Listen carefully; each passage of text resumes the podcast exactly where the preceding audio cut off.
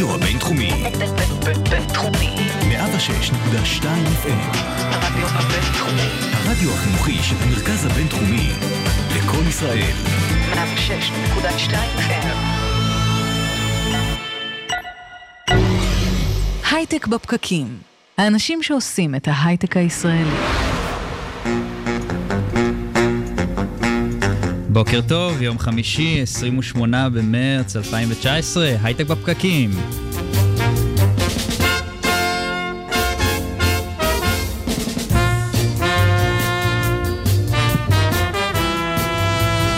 בוקר טוב חברים, אנחנו בעיצומה של מערכת בחירות סוערת, יחד עם ימים מתוחים בעוטף עזה, נקווה לימים שקטים יותר. ומה קורה בהייטק, אורי? אה, שבוע מעניין, Dynamic Yield אה, נמכרת ביותר מ-300 מיליון דולר למקדונלדס. Innoviz, יצרנית מכ"מי האור הישראלית, גייסה 132 מיליון דולר. וגם לקראת הבחירות, Check Point מגלה אה, תקלות אבטחה חמורות באפליקציות של הליכוד ושל העבודה. עוד מעט נדבר על כל זה.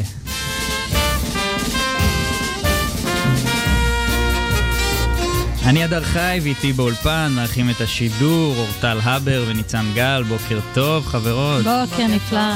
אנחנו משדרים לכם ברדיו הבינתחומי, ב Facebook Live, בכלכליסט ואיצטדיון הסטארט-אפ, חפשו אותנו גם ב SoundCloud, Spotify ו iTunes ואפליקציות הפודקאסטים האחרות. פשוט תקלידו הייטק בפקקים ואנחנו מבטיחים להופיע.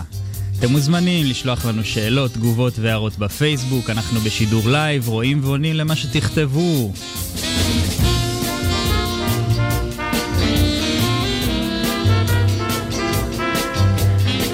היום אנחנו נדבר על גיוס עובדים, טעויות והטיות, נשמע על האקתון מיוחד במינו ונארח סטארט-אפ שאולי יגרום לכם לשכוח את הקופה בסופר.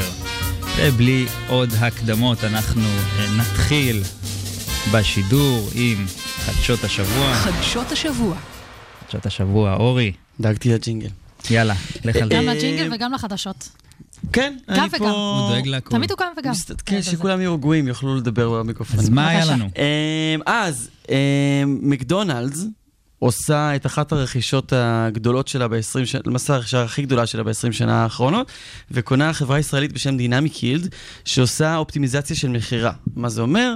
הם אמ, דואגים במהלך כל חוויית הקנייה שלך, מתחשבים בכל מיני גורמים סביבתיים ועושים לך אופטימיזציה מיוחדת, דואגים שהאתר ייראה כמו שצריך, שכל החוויית קניות אה, תדאג להשיג כל את ה-KPI ממשק שלהם. המשתמש בעצם, זה ה- זה כן. העניין שלו. עכשיו, זה נורא מעניין שחברה כמו מקדונלדס נכנסת לתחום מאוד דיגיטלי, אה, כמו אופטימיזציית מכירות. אה, ואפשר לשאול מה, מה הם עושים את זה. אתם, יש לכם רעיונות מה, מה מקדונלדס עושים עם הטכנולוגיה לא, הזאת? אבל זה לא כוחות, הם די אמרו. שהם אה, בסוף באים, הם התחילו להכניס את זה לתוך הסניפים של McDrive נכון. בארצות הברית. טוב, את קראת כמו שאני קראתי, אני גם באתי עכשיו לומר את זה. אה, מה- אבל מה- שאלת. אוקיי, נכון. ולא לא אמרתי שמישהו יודע שלא יגיד. לא, נכון, הם הכניסו את זה לסניפים של McDrive. אמ, גם מי שביקר במקדונלדס בשנים האחרונות הראה שכל התהליך קנייה שם הוא דרך ה...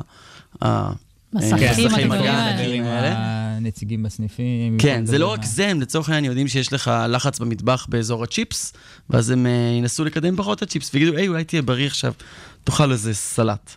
אה, כל מיני דברים מתחשבים בגורמים סביבתיים כמו מזג אוויר, אה, ומציעים לך נגיד יותר לשתות קפה כשקר, וכל מיני דברים כאלה. ובגדול דוחפים לך כל הזמן עוד מוצרים לקנייה. נכון. עכשיו, אופטימיזציה גם בסניף. מבחינת דינמיק יילד, החדשות הטובות הן ש...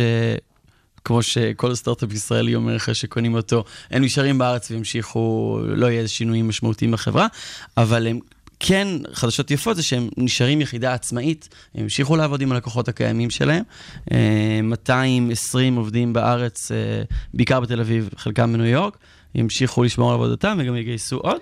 יש בזה משהו גם הזיה וגם מגניב. זאת אומרת, הזיה, אני אומרת, כי תחשבי שלפעמים כשאתה יוצא לדרך בתור סטארט-אפ, שואלים אותך מה האקזיט strategy, ואז כאילו, מי חשב בחיים שמקדונלדס יהיה האקזיט strategy כן. שלך? כאילו, זה... אבל זה פותח גם שוק חדש, כי זה אומר לנו שגם מלא חברות שלא קשורות, גם מתחילות להבין טכנולוגיה, מתחילות להתקדם, וזה מגניב לשוק, כי זה כאילו מביא עוד המון אה, הזדמנויות, אז זה גם זווית מעניינת. כן, יצרנית המזון הגדולה בעולם כרגע, מקדונלדס.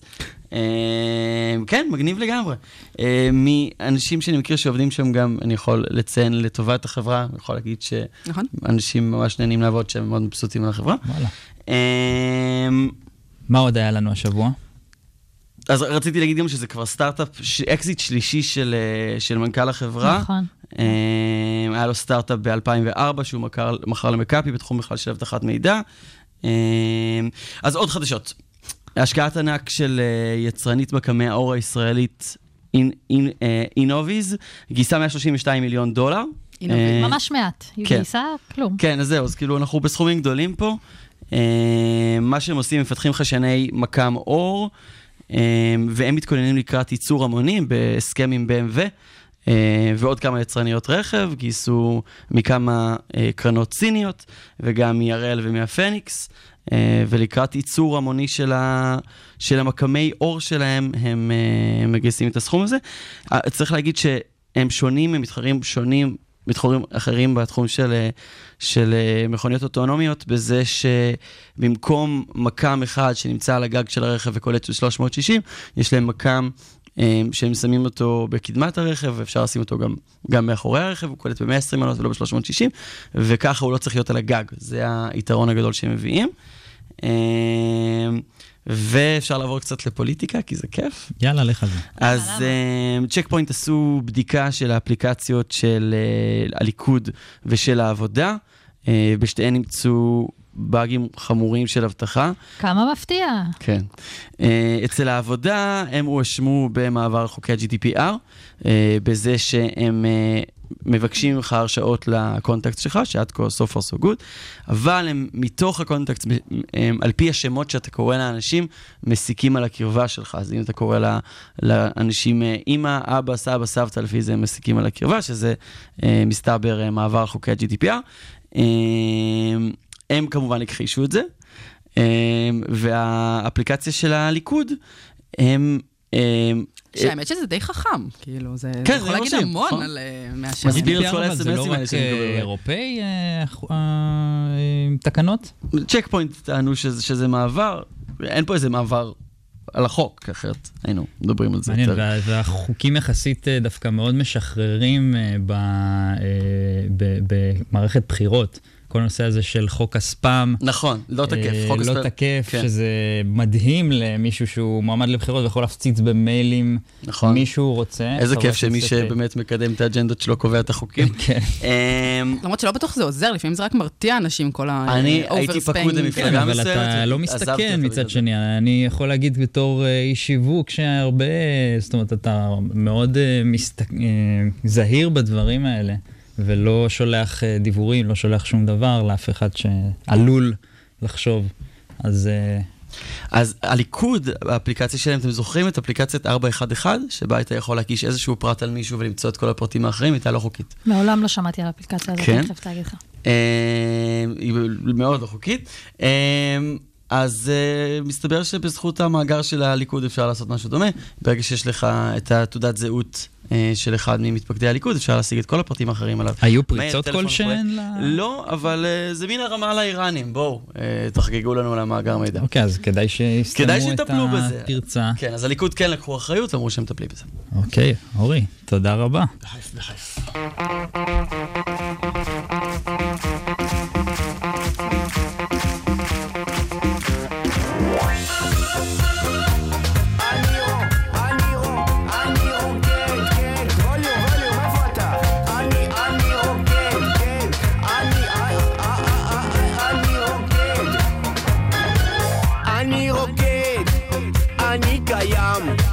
לוקח שחטה מיוחם. אם לא נרקוד, נקפוץ לים, אם לא נסתח, נבכה כולם. אני רוקד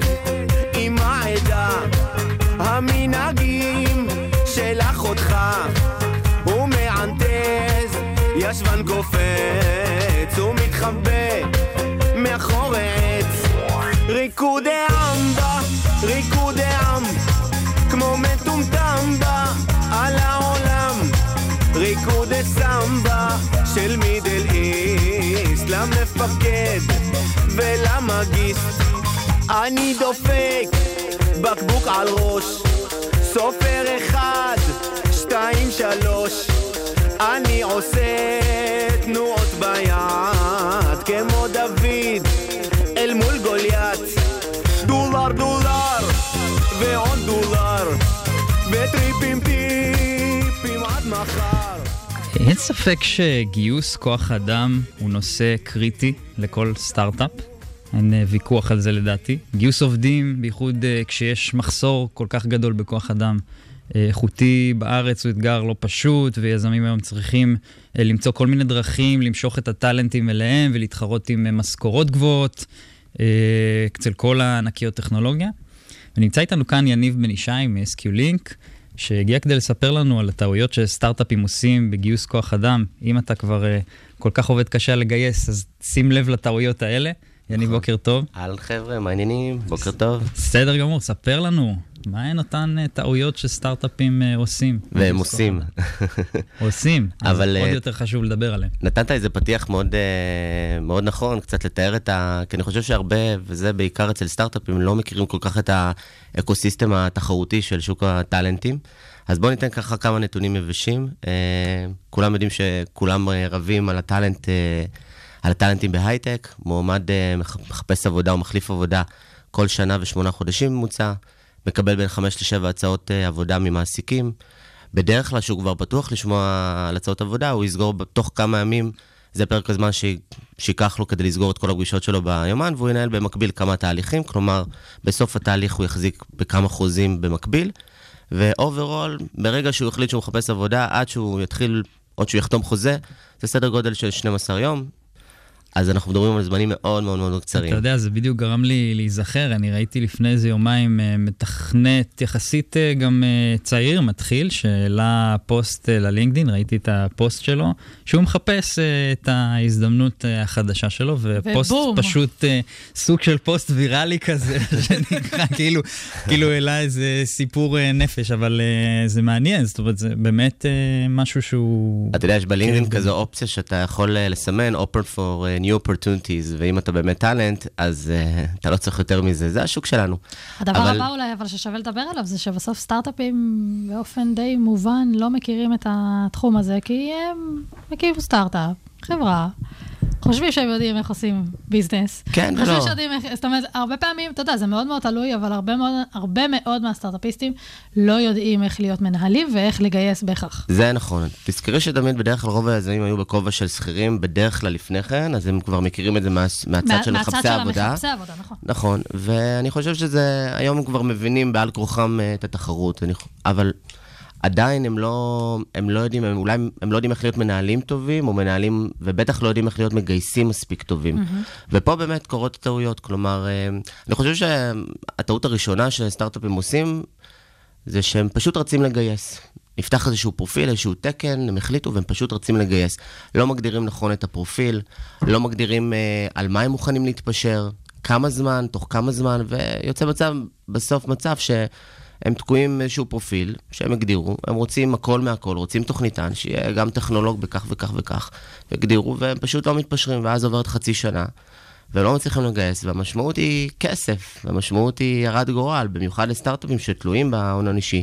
אם סטארט-אפ לא יצליח לגייס CTO, או יצליח לגייס full stack, או תוכניתן, או ראש צוות, המשמעות שהסטארט-אפ לא מצליח להתרומם. זאת אומרת, אתה מציע לאפיין בצורה מאוד מדויקת מי אתה רוצה לגייס עוד לפני שאתה מגייס אותו. זה עוד לפני כן, כלומר, אם אתה סטארט-אפ, אה, לא משנה באיזה סדר גודל, בדרך כלל נניח עד עשרה אנשים, קודם כל תעשה איזושהי חשיבה, תגדיר את ה-DNA שלך. תגדיר מי אתה, כלומר, מי האנשים שהיית רוצה ברמת התרבות הארגונית אה, יבוא שיעבדו אבל. סטארט-אפ ויגיד לך, רגע, מה, DNA ישמע DNA, אני לא מוצא מתכנת גם בלי להגדיר לו את ה-DNA שלו ולחפש אותו, אז מה... כן, אבל אני לא רוצה להגיד לך כמה עדיף לחכות קצת ולעשות את הגיוס נכון, מאשר לגייס מישהו שהוא לא נכון, שלא. יתחבר לצוות, או לחזון, או לתרבות הארגונית. טעות כזאת עולה המון כסף. המון המון כסף, תחשוב שהם צריכים לחזור מחדש. אבל שים לב לקושי, אתה אומר פה שני דברים במקביל. אתה אומר, קודם כל שבו, תעשו את החשיבה, תבינו בדיוק מה אתם רוצים, מי הבן אדם הכי רלוונטי. מצד שני, אתה אומר, אנשים יותר מדי מתפקסים באיזשהו שלב על מה שרלוונטי, אז הם מחכים המון זמן עד שבאמת מביאים את הבן אדם הנכון. אז צריך נכון. להיות פה איזה איזון חכם של הדבר נכון. התהליך של, ה- נקרא לזה האסטרטגיה, הוא לא תהליך עכשיו של אה, בנייה של תהליך אסטרטגי של חצי שנה, זה תהליך, קודם כל, תשבו, תעשו את זה, קחו דף ועט, תעשו איזשהו brainstorming ותחליטו מי האנשים שאתם רוצים לגייס, איזה סוג אנשים אתם רוצים לראות אצלכם בסטארט-אפ. דבר נוסף שברמת התכנון, נקרא לזה התכנון הלקוי, לא מתכננים נכון, באיזה סדר מגייסים, מגייסים לפני, מגייסים את התוכניתן או את הראש צוות. לא בטוח שראש צוות ירצה שינחיתו לו, או לקבל צוות שהוא לא בחר, שזה גם כן איזשהו שיקול. דבר נוסף שסטארט-אפים עושים, ש... שבאמת... רגע, יש גם טיפים לכל הטעויות האלה? שאנחנו זורקים פה טעויות באוויר. בטח, כלומר, כל. ברור. כל טעות כזאת היא, אפשר, אה, מה שנקרא, לא, כל לא, אז אני אומרת, אז נגיד לזה, כאילו, איך, ל- מי לגייס קודם, מה... אז, אז תראו, זה מאוד מאוד תלוי קודם כל ב, בהתפתחות הסטארט-אפ, ובדרך כלל רצוי לגייס את השדרה הניהולית. אחרי זה, כמובן, מהם, יחד איתם, מגייסים את כל, ה, את כל הצוות ומגדילים את הצוותים. אמ, גם מאוד מאוד חשוב, גם טעות נוספת, זה לא בדיוק טעות, אבל זה, זה פספוס. הרבה סטארט-אפים בדרך כלל שהם נוטים, יוצאים לגיוס, הם מנסים לחפש אה, אנשים שדומים להם. מחקרים מראים שדווקא הצוות שהוא הטרוגני, שמביאים אחד שיש לו קצת יותר, שהוא מגיע יותר מהצד של ה business, אחד מה product, אחד מהקוד, יוצר שהוא משהו סינרגטי הרבה הרבה יותר נכון, שבאמת uh, מצליח uh, להרים את הסטארט-אפ uh, ולהצמיח אותו למעלה. ד- דומים להם זה מבחינת אה, קווי אופי או מבחינת אה, יכולות מקצועיות? סליחה? כשאת אומרת, אם אנשים מחפשים... לא, זה יכול, להיות, להם. זה יכול להיות בהרבה מובנים, זה יכול להיות גילאים. אני אתן לך דוגמה, יזם שיוצא 8200 צעיר בן 20 וקצת, ירצה לך לגייס את החברים שלו, יוצא 8200, האם זה נכון? לא בטוח. כלומר, מחקרים סטטיסטיים, סטטיסטיים מראים שצוות הטרוגני זה אומר נשים גברים, זה אומר גילאים, זה אומר אנשים שמגיעים קצת מ...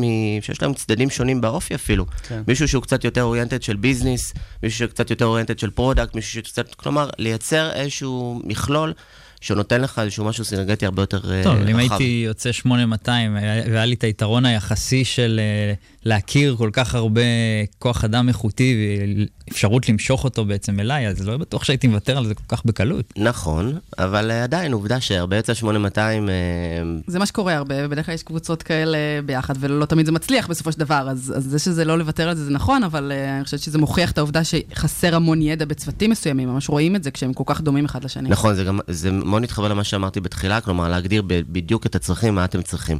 אני אתן לך עוד משהו, עוד טעות אחת נפוצה שסטארט-אפים עושים, ואנחנו, אני רואה את זה הרבה, זה כל הנושא של חוויית מועמד. היום, שאתה יודע, אם אנחנו מדברים על שוק התחרותי, הבחינה, כמו שאתה מראיין מועמד, הוא מראיין אותך.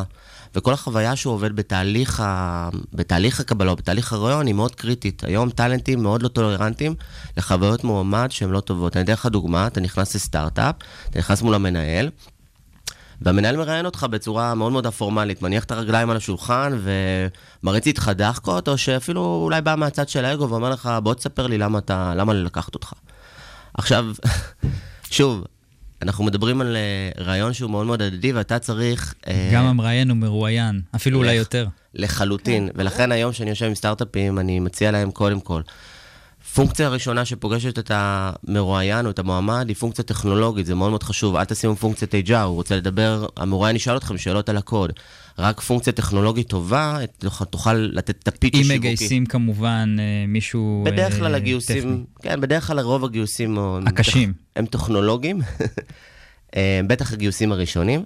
אז זה מאוד מאוד חשוב לשים מישהו שייתן את הפיץ' השיווקי על הסטארט-אפ, על החזון, על האווירה בצוות, על ההוואי, על האפשרויות, על אפשרות הפיתוח, ההתפתחות ב... ברמה המקצועית, אלו דברים שמאוד מאוד חשובים לטאלנטים. כלומר, בוא תגניב אותי על הרעיון של הסטארט-אפ. הרי יש לי, אתה יודע שיש לי כמה הצעות, אני טאלנט. אתה יודע שיכול להיות שקיבלתי הצעות מקורפורטים, מחברות יותר מוכרות, יותר גלובליות. למה לי לעבוד אצלך עם עוד חמישה אנשים ב-WeWork? למה? זה עוד יותר רלוונטי כשהיום אנשים גם מחפשים הרבה מאוד את המשמעות, את העשייה, את, ה, את, ה, את המה אני משנה בעולם הזה, אז uh, הדבר הזה נהיה עוד יותר דומיננטי. זהו, באתי לשאול, אבל האם זה זה? זאת אומרת, איפה אתה רואה בסוף את הדברים שהכי קונים את הטאלנטים האלה? האם זה באמת המשמעות או דברים נוספים ליד? אז זו השאלה שתמיד שואלים אותי. כמובן, יש סל אה, שיקולים של מועמד בבחירת עבודה, והוא מאוד רחב. כולם רוצים כמובן את הכסף, רוצים אה, התפתחות מקצועית, זה משהו שהוא מאוד חשוב. היום מועמד, לפני שהוא מגיע לארגון, הוא לא שואל מה אני יכול לתרום לארגון, הוא שואל מה הארגון יכול לתרום לי ברמה המקצועית.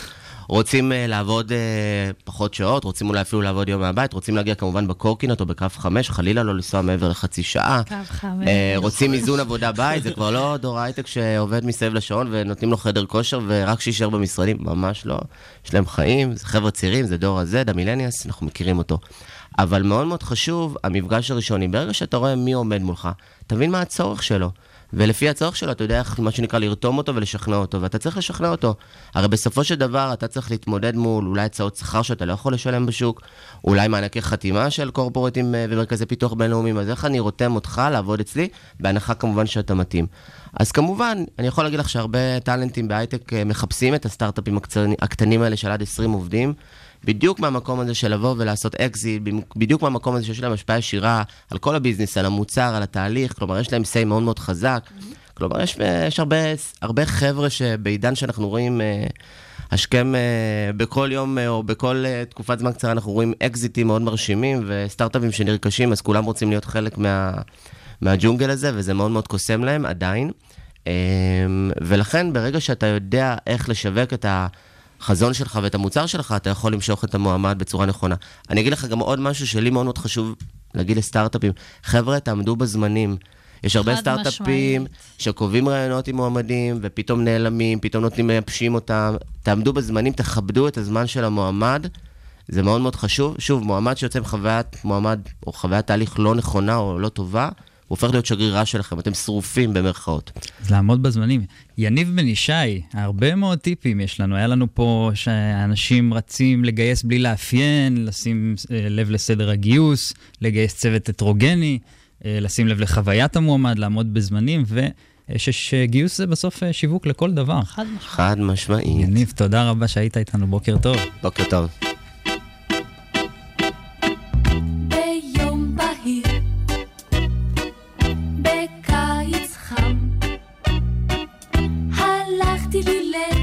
לשוטט בעיר כמו כולם.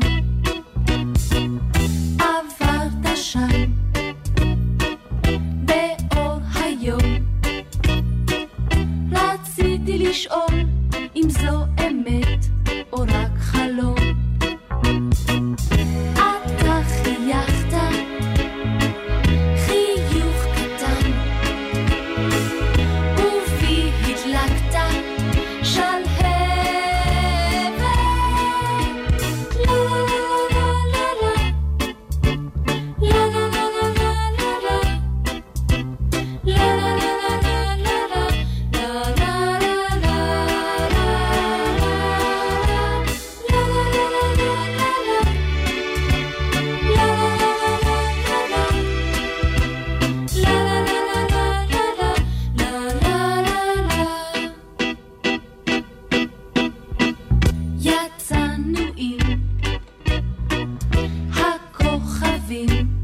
ואנחנו ממשיכים את השיחה שלנו על אה, גיוס עובדים, ונמצא איתנו כאן אה, נועם מרדכי מגלוט, שהגיע כדי לספר לנו על הטיות בהייטק, למה הן גורמות וכיצד נמנעים מהן. נועם, בוקר טוב. בוקר אור, שלום חברים. שלום, שלום. אז נועם, מה, מה הן אותן הטיות שאתה מדבר עליהן? אה, אנחנו מבינים היום שבהייטק הישראלי, ולא רק, הרבה פעמים קבלה לעבודה, יש איזשהו bias, איזושהי הטיה מותנית אצל המראיין, המראיינת. זה נכון גם לאנשי משאבי אנוש, זה נכון גם לפונקציות המקצועיות, שלא פעם מחפשים אנשים אה, שדומים להם. אה, ואחד הדברים המעניינים שטכנולוגיה יכולה אה, להציע באופן כללי, זה אנונימיזציה בעצם של אותו מועמד, אותה מועמדת, דגש על מגדר ולא רק. בעצם התאמה שמבוססת על כישורים, על experiences, אה, ומכאן פותחת דלת. עכשיו, גלוט, התחיל הסיפור שלכם, נורא מעניין, התחלתם כוורקי ועכשיו אתם גלוט, נכון. והייתם בעצם, אה, כינו אתכם אה, הטינדר של, אה, עולם של, עולם. הגי, של עולם הגיוס, נכון? ו, ובאמת אמרתם, אנחנו רוצים רגע לשים בצד את כל מי שאתה ומה שאתה בהיבט, מה שיכול להשפיע על הטיות של אנשים, לקחת כישורים וסקיז ואותם לשים בטופ, ועכשיו לקחתם את זה אפילו צעד קדימה. זה ההפך מטינדר באיזשהו מקום. זה נכון, מ- נכון? זה נכון. ההפך ממראה חיצוני אל ה... זה, זה בדיוק. זה, זה כן. מצחיק שככה כינו אותם, רק בגלל הכן ולא, כן. וזה בדיוק הפוך. אה, נקודה טובה, אורי. אבל לקחתם. את זה צעד קדימה, אה, מה שנקרא inner mobility, נכון. נכון? אה, בעצם אה, איך אנחנו ממצים את הפוטנציאל של הטאלנט שלנו, על סמך הכישורים שלו, כבר, כבר כשהוא בתוך הארגון. נכון, אה, אחד הדברים המעניינים שגילינו, בזמן שהפעלנו באמת את האפליקציה למציאת עבודה באופן חכם, היא שיש איזשהו אבסורד, שאנשים שנמצאים בתוך קורפורט, בתוך ארגון גדול, ורוצים להתקדם בקריירה שלהם, הרבה פעמים יותר קל להם לחפש עבודה דווקא בחוץ. וזה אבסורד, למרות שיכול להיות שיש המון המון הזדמנויות אה, שנמצאות בתוך הארגון. הפער המרכזי בדבר הזה הוא מה שנקרא ויזיביליות. איך אני יודע מה מרחב ההזדמנויות שלי, שמבוסס, כמו שאמרנו, על הכישורים שלי, על הניסיון המקצועי שלי, על השאיפות המקצועיות שלי, ולא בהכרח עוד פעם על מגדר או על אה, וצריך גם אה, להגיד פרמטרים אחרים. שתאגידים, זאת אומרת, אתם עובדים עם תאגידים ב- בהיבט המיצוי פוטנציאל, ולא סתם. זאת אומרת, תאגידים הם, הם ארגונים מאוד מאוד גדולים, עם אלפי עובדים, לפעמים עשרות אלפי ומאות אלפי עובדים, נכון, יש לכם גם לקוחות כאלה, ששם מאוד מאוד קשה לעקוב בכלל אחרי מה שאנשים לא בהכרח מודעים לכל מה שהארגון עושה. נכון, אורטל, נקודה מעולה. יש כאן, אה, אני חושב, שתי נקודות שאפשר אה, להתייחס אליהן. אחד, זה שכשחושבים על אה, אה, בעצם מה שנקרא turnover, שיעור העזיבה, או זמן, הזמן החיים הממוצע של עובד אה, בתוך ארגון, אז אנחנו רואים שהמספרים האלה יורדים ומגיעים היום למשהו כמו שנתיים וחצי. אם לוקחים את זה במכפלות של ארגון של 100 אלף, 200 אלף, 300 אלף עובדים, להבין כמה כסף אה, אה, הארגון מפסיד ברמת המיליונים, ובעיקר כמה מתקשה ברמת הצמיחה. רגע, וזה, וזה אזור מרכזי. מה הזווית בעצם שאתם מביאים? זאת אומרת, מה קורה היום אחרת בזכות גלוט? אז בעצם הפעולה שאותה אנחנו מבצעים היא, היא יצירת מה שנקרא internal marketplace, שמחבר בין מנהלים בתוך הארגון לעובדים בתוך הארגון, ומאפשר בעזרת פרסונליזציה של חוויית חיפוש העבודה בתוך הארגון, לעובד לנווט את הקריירה שלו בתוך הארגון. עכשיו, אני רוצה להגיד מה זה אומר אתגר נורא קשה. אתגר מאוד קשה, זה נכון, אבל בעצם מה שהמערכת עושה, ובכלל, אני, אני אפילו שם שנייה בצד את המערכת, זה בעצם לתת תמונה מכל ההזדמנויות שיש בעולם, בעולם בתוך הארגון, בתוך אותה חברה, בתוך אותו קורפורט, ולהבין מה מתאים לי. ואז הפעולה שאני צריך לבצע היא אותה פעולה שיושבת בפילוסופיה... פעולת טינדר, כן. המקורית שלנו, פעולת טינדר, ימינה, שמאלה, למעלה, למטה, איך, איך, איך שנרצה. אה, כשהנקודה, אני רגע להתייחס חזרה לשאלה, מה זה אומר בכלל התפתחות קריירה בתוך הארגון? אז יש איזושהי תפיסה מסורתית שאומרת שהתקדמות הקריירה היא לינארית. אני הייתי אה, אה, מהנדס, היום אני team leader, אני הופך להיות group leader ואני עולה ב, אה, בעצם בהיררכיה. אחד הדברים המעניינים שקורים היום ב corporateים זה התקדמות קריירה אופקית. אני לא רוכש טייטל, אני רוכש כישורים. אני רוכש אקספיריאנס. אה, ומהמקום הזה, וזה בעצם מה שהמערכת מאפשרת, או מה שיושב בבסיס החשיבה שלנו, זה להציע לעובד סוגים שונים של הזדמנויות קריירה בתוך הארגון, שיאפשרו לאותו עובד או עובדת גם לרכוש כלים, אה, למידה, חוויות שונות, מבלי שבהכרח הוא או היא זזו לתפקיד אחר.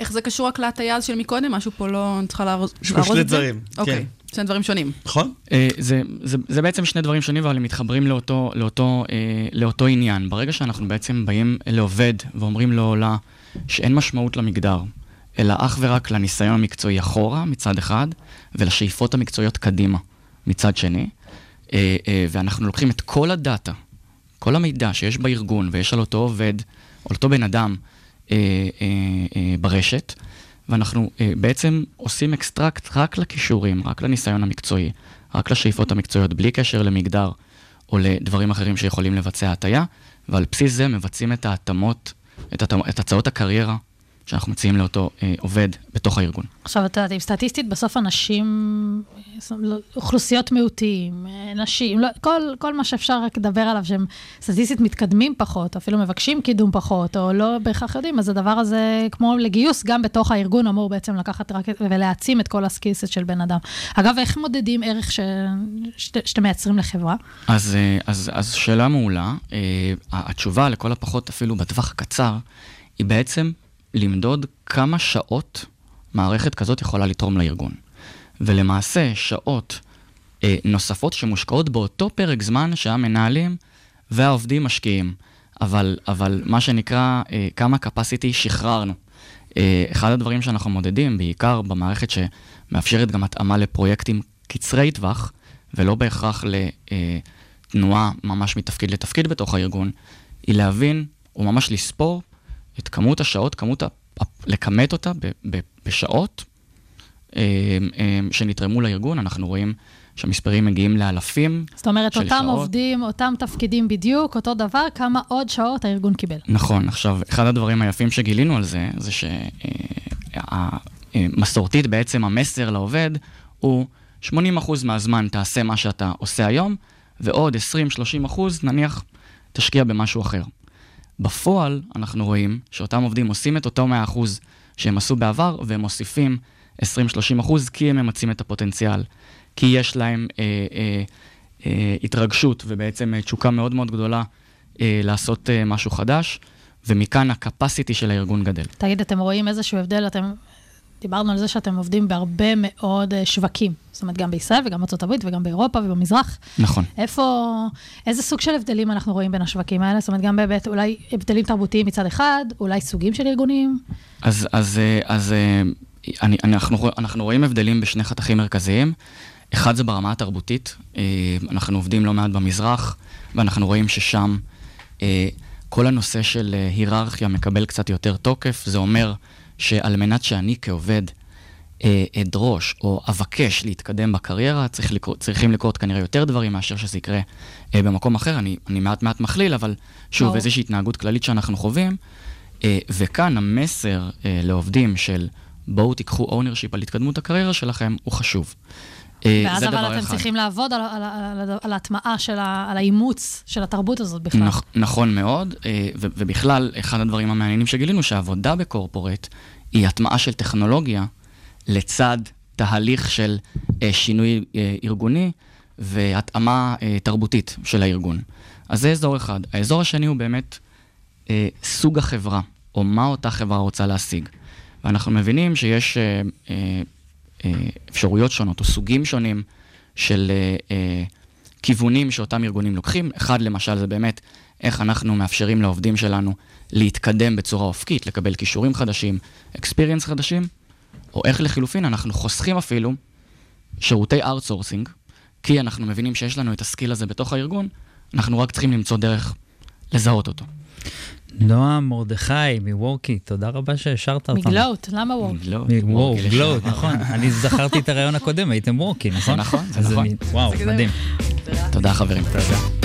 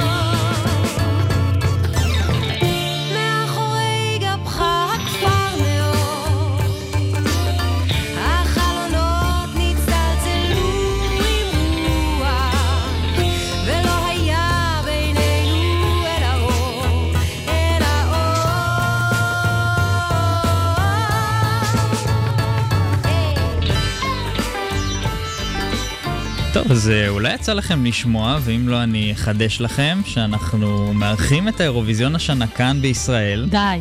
כן, כן, כן. נמצאים כאן uh, באולפן uh, תומר ודביר, שיזמו את האקתון הראשון לאירוויזיון, כבוד, uh, שהוא הולך uh, להתמודד עם האתגרים uh, uh, שעולים בתחרות. ולהכניס אליה חדשנות. בוקר טוב, חברים. בוקר אור. אהלן. אז ספרו לנו קצת אה, על האקתון, כמה מילים. כן, להגיד אתגרים שונים בתחרות זה קצת כללי, כי אתגרים שונים בתחרות זה... בגלל זה אני שואל אותך. מי ישים להם הכי הרבה נצנצים, אולי. בגלל זה אני שואל אותך. כן, אמ, אבל אנחנו רצינו לנצל את זה שהאירוויזיון אה, ותשומת הלב של אירופה מגיעים ל startup nation, ולשים על הבמה לא רק את המוזיקה המעולה שיש בארץ, אלא גם את אה, אומת הסטארט-אפ. ואנחנו רוצים להתמודד עם uh, שני אתגרים שאפיינו uh, בעזרת uh, כאן, תאגיד השידור, שקשורים לאירוויזיון. האתגר הראשון זה אתגר הנגישות. 15% מאוכלוסיית אירופה הם אנשים שיש להם בעיות נגישות של ראייה, שמיעה או מגבלות קוגניטיביות. ואנחנו רוצים בפעם הראשונה להנגיש עבורם את האירוויזיון. זה משהו שכאן יזמה, היא כבר פותחת ערוץ יוטיוב נגיש, ואנחנו רוצים להכניס טכנולוגיה לשם. והאתגר השני זה שדרוג חוויית הצפייה בלייב. האירוויזיון משודר 60 שנה, יש מאות מיליוני אירופאים שצופים בו ב live, ועדיין כל אחד יושב בסלון שלו מול הערוץ אחד שלו, וחוויית הצפייה נשארה סטטית ומיושנת לחלוטין. איזה פתרונות ככה עולים לך לראש, אתה חושב מה יכול לקרות בהאקתון הזה? אז אנחנו חברנו למייקרוסופט, שהיא מביאה יכולות אה, בינה מלאכותית די מדהימות, ואנחנו מצפים לפתרונות שהם אה, מעולמות ה-virtual reality, אה, זיהוי אלמנטים בווידאו, זיהוי הבעות פנים, אה, כל מיני סוגים של תמלולים, תרגומים אוטומטיים. אגב, זה מדהים הקטע של האינטראקציה, כי אומרים, מדברים על זה שיש כל כך מעט מקומות באירוויזיון השנה, וכל כך מעט אנשים הולכים באמת לחוות את הדבר הזה, ואולי רובם כן יחוו את זה, אבל דווקא בחזרות, ופתאום יש איזה ניסיון ממש לה, להביא את זה לעם בצורה שהיא מאוד מאוד, אה, מאוד מאוד אחרת. האירוויזיון בעצם זה לא הופעה, זה, זה תוכנית טלוויזיה. והתוכנית טלוויזיה נשארה, אותה תוכנית טלוויזיה כבר 60 שנה. אז uh, הגיע הזמן uh, טיפה לרענן את הדבר הזה. אבל זו שאלה ככה אליכם, תוכנית, תוכניות טלוויזיה יש הרבה, ואני מאמין שיש uh, בעולם הרבה גם סטארט-אפים שעושים דברים uh, שאמורים להנגיש חוויות צפייה בלייב, או לחילופין נגישות, זאת אומרת, למה האירוויזיון כבר לא נעזר בדברים קיימים, או, או לחילופין, האם, האם הסטארט-אפים שהולכים לעשות את זה לאירוויזיון, הם גם מתאימים לכל, לכל שאר התוכניות צפייה בלייב? אז, אז אה, שאלה מצוינת. ה-EBU, שזה תאגיד השידור האירופאי, יושב בשוויץ, וזה חבר'ה שהם יחסית אה, שמרנים, בטוח אל, ביחס אלינו. וכשהם שמעו על, אה, על האקתון, אז בעצם הם נדלקו בטירוף על הדבר הזה, כי מבחינתם הטכנולוגיה זה הדרך החדשה אה, להגיע לקהלים חדשים. הייתי בטוחה שהוא יגיד, הם קיבו אותנו ממש. האמת, גם אנחנו כזה לא היינו בטוחים, וכזה קצת רעדנו לפני, והנה פתאום אמרו, וואו, מדהים, כן, שולחים לנו מיילים נרגשים, מחכים להגיע, לראות את ה... יכול להיות שההאקתון הזה היווה בשבילם גם איזשהו wake-up call כזה, לרגע אתם כבר קצת מיושנים, בואו תסתכלו מה יש בשוק, בואו תכניסו דברים הם יודעים את זה. לגמרי, צריך גם להגיד שמי שרתם אותם לכל הסיפור הזה זה MyHeritage. נכון. שהיא נותנת את החסות המרכזית של האירוויזיון וגם שותפה מרכזית בהאקתון הזה. אז תספרו לנו, דיברתם קצת על השותפים, אז באמת מה כל אחד מהם מביא לעניין? אז MyHeritage בעצם מביאים את EBU ואת כל היכולת שלנו להגיד שזה האקתון של האירוויזיון. הם גם עוזרים לנו בחסות של, ה, של האירוע. רגע, יש לי שאלה אחרת. הולך להיות האקתון בקרוב, כן. ומה הציפייה? זאת אומרת, לפעמים בהאקתון לוקח זמן, זאת אומרת, מהרגע שמוציאים איזה רעיון ב-24 שעות, עד לרגע שהוא קורה לוקח זמן. מצפים שבאמת יהיה פתרונות שתוכלו להשתמש בהם כבר בחודש וחצי הקרובים? שאלה טובה, יש פה. לגמרי, אנחנו רציניים לחלוטין בנוגע לא רק ל, לזה שיהיו פיילוטים לרעיונות כבר באירוויזיון הקרוב, אלא שאיגוד השידור האירופי בחלון ההזדמנויות הקצר הזה שהוא פה בארץ, יוכל לחזור הביתה עם מוצרים ולא רק עם רעיונות. ולכן האקתון הוא רק השלב הראשון בתהליך. סליחה, אני אחרי שבוע של חיידק. איזה כיף שבאת. אתה גם אחרי ארבעה חדר סגור. מי שלוקח אחר כך את המיקרופון שלו, שימו לב. אז האקתון זה המרתון עבודה של יומיים, שבסופו אנחנו רוצים שיהיה איזשהו פיילוט ראשוני ואיזשהו קונספט ראשוני. בסוף האקתון אנחנו בוחרים את עשרת הצוותים המובילים, ויש להם שלושה שבועות לעשות עבודה מרתונית כדי לפתח את המוצרים שלהם ממש לפיילוטים. ובסוף השלושה שבועות אנחנו עושים אירוע גמר גדול. עם עמדות שיפוט שינקדו בפורמט אירוויזיון מ-1 עד 12 ויש עזרה של מימון של כל התהליך הזה? בדיוק באתי לשאול איזה משאבים אתם מעמידים לרשותם גם. אנחנו נותנים להם את החיבור עם הלקוח הפוטנציאלי. אנחנו לא יכולים להעמיד עבור המימון, אבל אנחנו מעמידים מולם את מקבלי ההחלטות של איגוד השידור האירופי ושל כאן תאגיד השידור, ואנחנו נותנים להם את כל החשיפה כדי שייתנו להם את הפוש הראשוני. בעצם ה-EBU מגיע לפה לחפש פתרונות, על אמת. זה מבחינתנו הזדמנות אדירה להראות לו מה אנחנו יכולים לעשות פה. זה שווה המון. מאוד. אז מי, מי אמור להירשם אליכם? אנחנו בעצם פתחנו, פתחנו את ההרשמה ליזמים ולסטארט-אפים. מתכנתים, מתכנתים, מעצבים. מעצבים, כן. כל אחד בשוק שיש לו איזה רעיון. איך נרשמים? אז יש אתר הרשמה בכתובת eurohack.co, eurohack.co, אני חוזר. אוקיי, אנחנו נרשום בתגובות אחרי זה. בכל רדיופוני יש להגיד. כן. ואנחנו מקבלים הרשמות מצוותים עד הראשון באפריל. חברים. כל הכבוד אה, על היוזמה. צריך לציין שזו יוזמה שלכם, של אה, בלי hackathons, נכון? שאתם מארגנים האקתונים, אז אה, כל כן, הכבוד. אנחנו גם מאוד רוצים, אם אפשר, להודות לשותפים שלנו לדרך, שזה רשות החדשנות תמיד שמלווה אפשר. אותנו, וריינהולד כהן שנותנים לנו ליווי משפטי, ודבי תקשורת שנותנים ליווי תקשורתי, ו-OGAE, מועדון החובבים הבינלאומי של האירוויזיון. אה. ה passion, ה passion פה באולפן. כאילו, לא- עניין אישי אירוויזון, אתם into it? נחשי. נחשי זה, פה זה, מ- ה- משם אני שומעת שכן, גם פה, אוקיי. אה, בואי נאמר, בואי נאמר שצפיתי בלייב בקדמים של אה, כל מדינות סקנדינביה, או-אה. וששנה שעברה הייתי בקהל בנטע. יש לך כרטיס? הוא עכשיו לא. מארגן לעצ... נו, איך לא? נו, לא, אבל עכשיו הוא מארגן. לא, אני לא, לו. חבר'ה, אני הייתי שנה שעברה כשנטע זכתה, אז נורא כיף להיות שם שזוכים, טוב, אבל אירוויזיון זה תוכנית טלוויזיה. טוב. חברים, כל הכבוד לכם, תודה תודה, שהייתם תודה. פה, ובהצלחה. תודה רבה.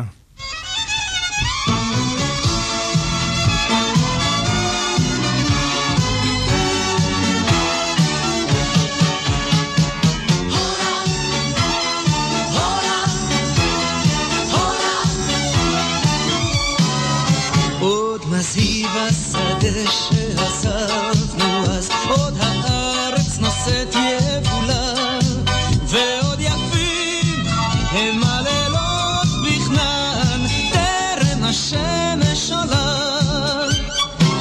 עוד רכבת חוצה שם פרדס ירוק, חסידה עוד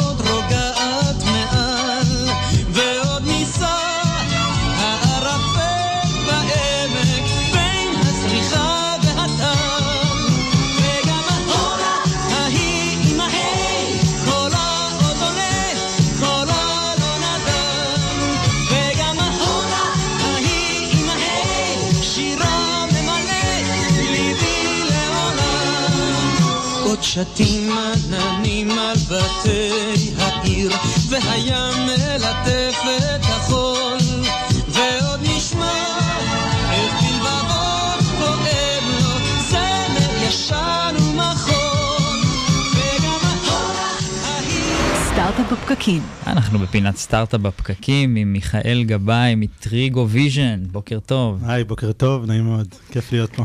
לגמרי, גם לנו. אה, וכיף גם שאתה עוזר לנו לפתור את כל בעיות התורים בעולם, נכון? כן, זאת אחת מהמטרות של טריגו. הבנתי, זה- ממש, זה מלהיב אותי. אוקיי, אז בוא תספר לנו שנייה מה זה טריגו. טריגו ויז'ן, חברה שמפתחת אה, בעצם חנויות אוטו- אוטונומיות, מסבה חנויות מחנויות רגילות, פיזיות, לחנויות אוטונומיות, שהיישום הראשון של זה, זה בעצם היכולת לקחת איזה מוצר שאת רוצה מהסופר, ופשוט ללכת, אין צורך בכלל במעבר בקופה. אנחנו מזהים את כל מה שקורה במרחב החנות, אנחנו מזהים אותך, מזהים את המוצרים שלקחת, וכך למעשה... והחזרת גם, לא? נכון. כן. כל מה שאתה לוקח, מחזיר, לא משנה. זאת אומרת, אנחנו מזהים את כל התנועה שקורית במרחב החנות, וכך למעשה אנחנו יודעים אה, אה, לעשות רשימות קנייה. אבל המערכת הזאת, היא- את יודעת, הרעיון הוא שזה בעצם פלטפורמה אחת שיודעת אה, בעצם אה, לעבוד הרבה מעבר לזה. כלומר, גם אה, נושאים של בקרת גנבות מסופרים, שזה תחום ענק, אה, כל מה שקורה ב- בסופרים בעולם.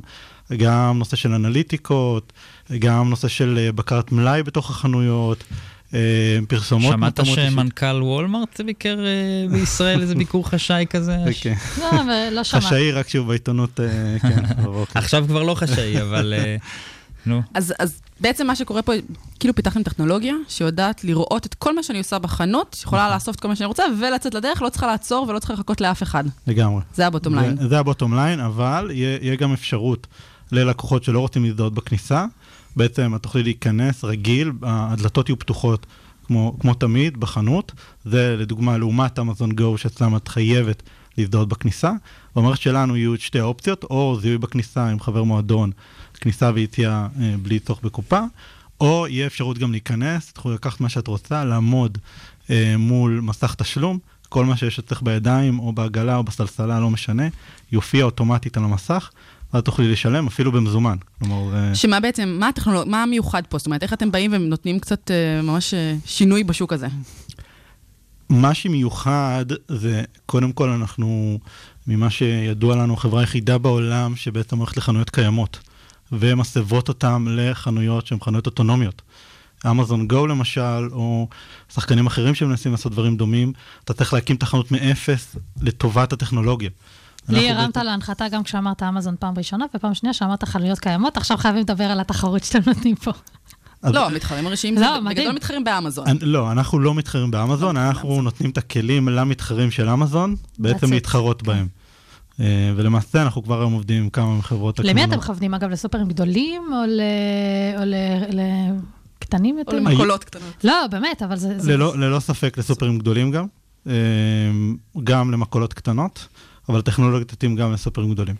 ממש- התחרות פה היא כאילו נגד, אה, אתה יודע, אתה דורך פה על איזה כאב מאוד אה, יפה של אמזון אוכלת לנו את כל הביזנס, אז בואו, אנחנו יכולים להתחרות בו. יש לי שאלה אבל אה, אה, אחרת, אה, זה לא קצת אה, מעקב אחרי לקוחות? זה לא קצת פגיעה בפרטיות באיזושהי צורה? שהוא אמר GDPR?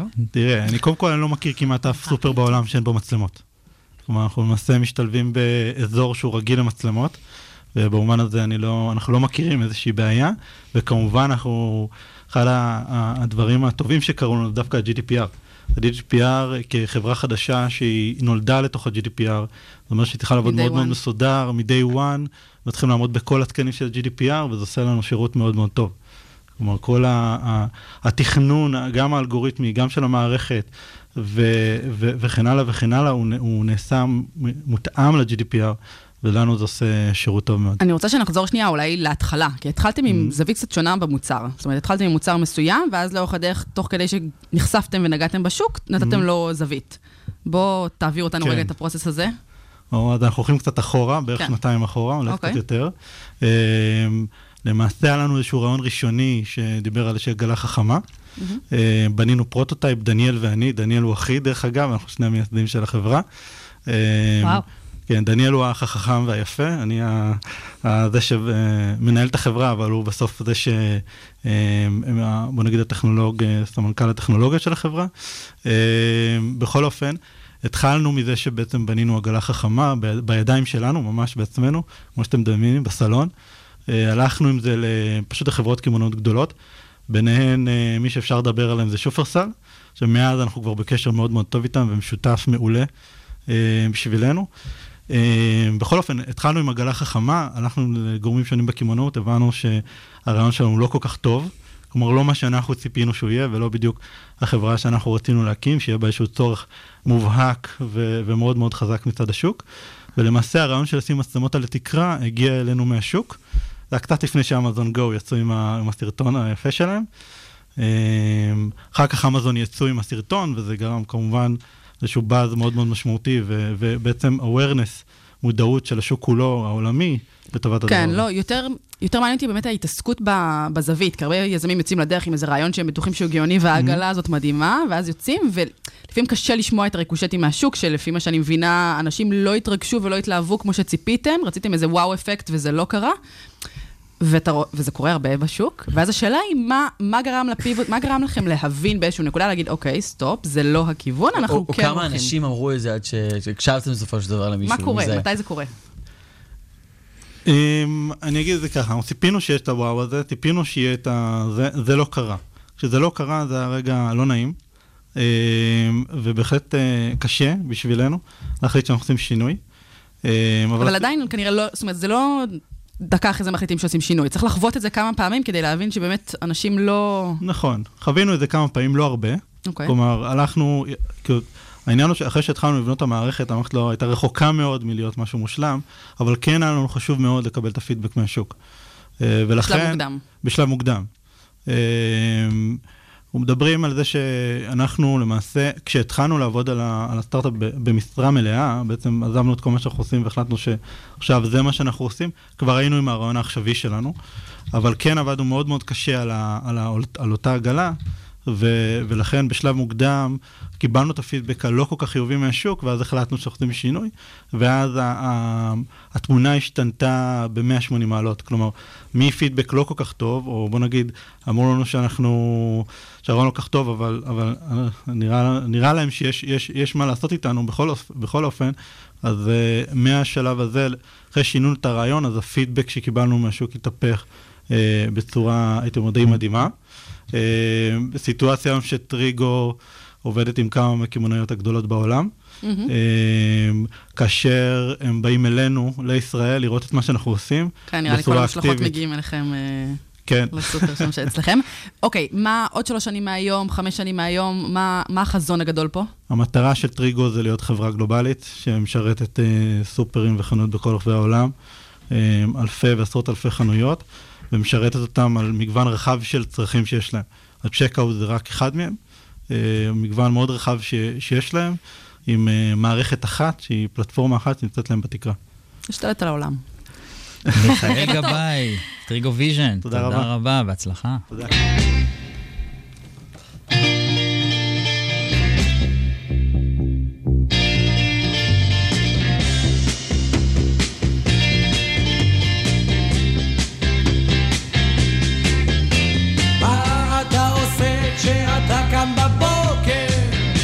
את אותם הדברים, אבל אתה?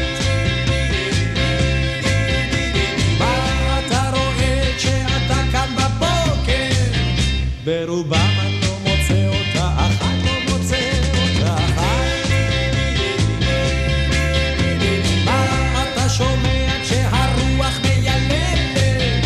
את השיר העצוב שלא נכתב.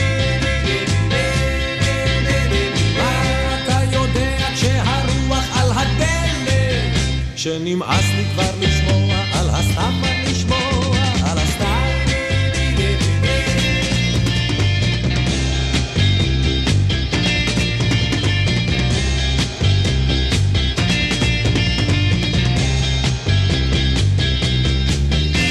מה אתה מרגיש בחוץ לבד של לילה? ששכחתי את זה שם בביתי.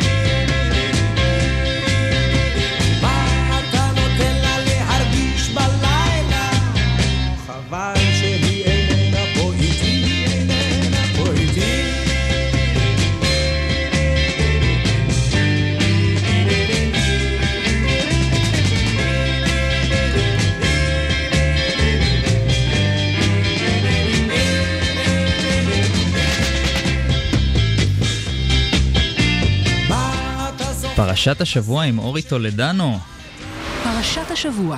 פרשת שמיני.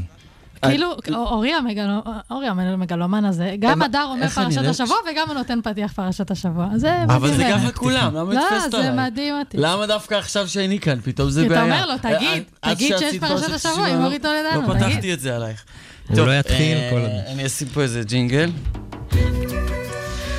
טוב, אז אנחנו השבוע עם אה, פרשת שמיני. אה, השיר ששמענו עכשיו אה, לא היה מקרי, אנחנו נגיע אליו בהמשך. פרשה עמוסה אה, בכל טוב. באמת, לפעמים מקבלים פרשות כאלה של עכשיו איך לשחוט כבש. פרשה שלמה, מפה אתה חותך, אני, אני לא עובד בזה, זה לא רלוונטי. הפרשה הזאת היא ממש להפך, מפגזים אותי פה בנושאים, רק הייתי צריך לבחור. אה, פעם ראשונה שאנחנו רואים את ברכת הכוהנים, אה, שאנחנו קוראים בכל שחרית, למי שקורא. אה, חונכים את המשכן לאחר שמונה ימים של התרגשות. חונכים את המשכן, מקריבים שם עולות לאלוהים, כולם, כל הכוהנים משוחים בשמן, הכל פיין ויפה. וגם אה, עלייה אבוקות בה, מיתת בני אהרון, אה, שמגיעים אה, להעלות, אה, להעלות עולה אה, לאלוהים, למרות שעושה רושם שאף אחד לא ביקש מהם, ואלוהים כעונש הורג אותם. אה. כן, כנראה שזה בגלל שהם היו שיכורים כשהם הגיעו, אה, אבל לא ברור ממש למה. ואחרי שאלוהים אה, שורף אותם שם אה, במשכן, בבית המזבח שבנו במדבר סיני, אה, אלוהים מבקש מהאהרון לא לנהוג מנהגי אבלות, להוות דוגמה, להמשיך הלאה. The show must go on. כזה. שזה בקשה... suck it up, כפרה. ממש, אז מה כן. אז מה עם רק תהיה פתיחת גבר, הילדים? כאילו, מין כזה, בסדר, תתקדם, הכל טוב. שזה מזעזע. זה נורא. Um, העם עצמו נוהג מנהגי אבלות, אבל מתבקשים uh, משה ואהרון לא לעשות את זה. Um, ואני פונה אליכם בשאלה, כמו שאנחנו עושים uh, בפינה הזו, ומבקש מכם לספר על החוויות שלכם שהן גם עצב וגם שמחה באותו זמן. אגב, שמחה, בגלל שבית המזבח נבנה והתרגשות גדולה וכולי, זמן מאוד שמח בעם, אבל בשביל אהרון, פחות. חו- חוויות שהן גם עצב וגם שמחה. תראה, האמת שנראה לי ש... אני רומז פה לסטארט-אפ, רומז. לא, אז חבל, חבל שהרסת לי. אני חושב שכל דבר אה, טוב, יש בו גם קצת דברים, אה, אני, אני לא אגיד דברים עצובים, אבל דברים קשים, כי עצם ההתגברות על, ה, על הקושי ועל ה, על הרגעים הנמוכים, הוא בעצמו מאוד משמח. נכון. אז uh, אני חושב שדברים כמו הישגים, דברים כמו, דברים שמלאים אותך, בסופו של דבר הם יכולים להיות מאוד קשים. תסתכל עכשיו על, uh, על uh, לא יודע, מערכת בחירות, לא משנה מי ייבחר, כן? אבל אנחנו בעיצומה ואנחנו רואים פה הרבה uh, uh, תלאות שכל אחד מהמועמדים uh, עובר. ובסופו של דבר uh, התלאות האלה הם חלק מה, מהעניין. Uh, אז אני חושב שאולי זה ככה פרשנות שלי. כן, לגמרי. לא, קשיים גם הרבה פעמים מסמנים אה, יציאה מה-comfort zone, כאילו, אה, שזה גם, שבדרך כלל דברים טובים. נכון. אה, אז אני חושבת שזה שם אה, קורה לא- הרבה לא בהתפתחות ניסית, אישית. לא נכשלת, כן. המנכ"ל של דיינמיק יילד, שראיינו אותו לאחר האקזיט בתור אה, Man of the Hour, אה, אמר שמבחינתו אחד הדברים החשובים זה כמנכ"ל של חברת סטארט-אפ, להיות שם ברכבת הרים, לשרוד אותה, להכיל אותה, לא להקרין אותה כלפי חוץ, לא לקחת אותה הביתה יותר מדי, כי זה משהו שאתה צריך להמשיך לעשות. החברה הזאת הוקמה ב-2012, במשך כמה שנים. אה, שזה אחד הדברים הכי חשובים. אבל אני אישית לוקח את זה יותר למקום של להכיל את הטוב והרע בבת אחת. זה כל כך שלובים זה בזה שכבר אין טוב ואין רע, אני כבר לא מדבר במונחים של טוב ורע. כי זה... אין, כאילו, אני לא ממש יודע להבדיל איפה זה מתחיל ואיפה זה נגמר. ושמענו מקודם את מה אתה עושה כשאתה בבוקר, רק איינשטיין, הוא אומר, אה, מה אתה זוכר בסוף כשגמרת? את הרע ואת הטוב בבת אחת. וואו, יפה, טוב. פה אבל, קישור. ותכל'ס, שאתה מביא לנו את זה לקונטקסט עכשיו של אה, אהרון ומשה, שלא בחרו, הילדים של אהרון שמתו, אז שום דבר מכל הקושי הזה שאנחנו חווים לא יכול להשתוות לדבר הזה. נכון. כאילו, חבר'ה, נזכרים פה פרופורציות. בפרופורציות. כאילו, לא, באמת, תשמע, אנשים, אה, אנשים חולים ומתים בעולם. כאילו, זה, זה תמיד מחזיר אותי למקום, לנקודה הזאת, של כאילו טוב ורע, וזה. בסדר, לא, זה ממש בסדר. כאילו, כן, בדיוק. וזה ממש בסדר אה, שיש טוב ורע, ושקשה, והם צומחים מזה, והכל טוב ויפה, אבל לא לשכוח פרופורציות. יפה, יפה. אורטל סיכמה לנו את זה מקסים. אנחנו מתקרבים לסיום, ותודה לכם, אורטל, ניצן, אורי, שהייתם איתי באולפן. מפיקים את השידור, אורטל הבר, ניצן גל, קרין רביב, מפיק הדיגיטל, שקד דמבו, מפיק מוזיקלי, אורי טולדנו, תודה גם ליזהר שי, תודה לכלכליסט ולרדיו הבינתחומי על שיתוף הפעולה. תודה לכם שהאזנתם לנו בפקקים, במשרד או בבית. אני מקווה שלמדתם כמה דברים על גיוס, אני בהחלט כן. סעו בזהירות אם עוד לא הגעתם למשרד, אנחנו הייטק בפקקים. נתראה בשבוע הבא. יש עוד קטע שלם בפרשה שלא דיברתי עליו, שתדע. יאללה, יש לך- ספר לנו, יש לך יש קצת לך זמן. שתיים, אה, שתי דקות ועשרים שניות. Garbage time. אז uh, יש כשרות, כל הקטע שלה, לא לאכול את זה, כן לאכול את זה, החיה הזאת טמאה, חזיר זה הכי קוראים גרוע. לזה גדי בחלב אימו, יאללה, נו בואו. כל זה, זה פרשה, אמרתי לך, זו פרשה קדושה, אני רק יכולתי לבחור. וואו. אבל מה יש לך להגיד על הכשרות, שאתה לא אוהב את זה? שהיא, אה, שהיא שרירותית וצריך לקבל אותה. אה, כלומר? מה זה אומר צריך לקבל אותה? כהכנה, כהכנה לשיחה הזאת כאן, שנראה כאילו לא התכוננתי, אבל כהכנה אליה, אה, שמעתי כל מיני תכנים על, אה, על כשרות. ומנסים למצוא לזה אה, כל מיני צידוקים פיזיולוגיים, באמת הרמב"ם מוצא לזה אה, שחזיר זה באמת בשר ממש לא בריא, אה, יש כל מיני הצדקות לבשר וחלב למה לא אוכלים, זה, שרימפים, היה חודש בשנה שבו השרימפים היו רעילים, ולכן אה, אי אפשר לאכול אותם. חזיר ספציפית היה שם איזה תולעת, שאם היית מקבל אותה אז אה, היה סופך. אה, היה אוקיי, אפשר וכל- להגיד... וכל התולעים והמחלות זה למה? כדי להגיד שמה עם הכשרות? אז לא, אבל היה אפשר להגיד לגבי החזיר. אוקיי, תבשלו אותו טוב טוב. זה היה סוגר את העניין, לא היית מקבלת אותו תולה. אז אתה אומר, זה... קיצור, אתה אומר זה שטויות. לא. זה, זה שרירותי, וזה בדיוק המקום לא לחפש לזה הסבר. אני, אני, כמו שאני תופס את זה, זה המקום הכי דתי. רוב הדברים בחיינו, הרבה מאוד מהדברים הם שרירותיים. ת- תראו גם את המקלדת שלנו לצורך העניין. אתם. מכירים את נכון. הקוורטי? אתם מכירים את הקוורטי? זה זה מקלדת שהיא לא אידיאלית להקלדה, אבל היא פשוט איזשהו משהו שרירותי שהגיע בכלל ממכונות הכתיבה, כן. והוא פשוט נתפס. אה, יש עוד משהו ככה, ובאמת יפה, לסיום. הגענו פה בעוד נקודה. אה, יש לנו מלא זמן, עוד משהו שלכם? שרירותי שנקבע זה לצורך העניין ההבדל בין שחורים ללבנים. אתם ידעתם שהשחורים היו עבדים בגלל שהם היו זולים יותר, אז הביאו אותם מאפריקה, ואז אה, יכלו להביא עבדים לבנים אה, מאירופה, אבל פשוט הם זולים יותר, ואז כאילו משהו, משהו המון דברים אה, בהיסטוריה. נקבע בתוך ההיסטוריה. של התוכנית זה. הזאת נגמרת בתשע וחצי. שעוד 20 שניות. זה שרירותי. זה שרירותי. זה יכול. להיגמר בתשע ארבעים. ועוד לגמרי, 15 לגמרי. שניות, ואנחנו עדיין ממשיכים. פה לדבר. בואו נמשיך לדבר עד שיגמר. יאללה, חברים, נתראה בשבוע הבא.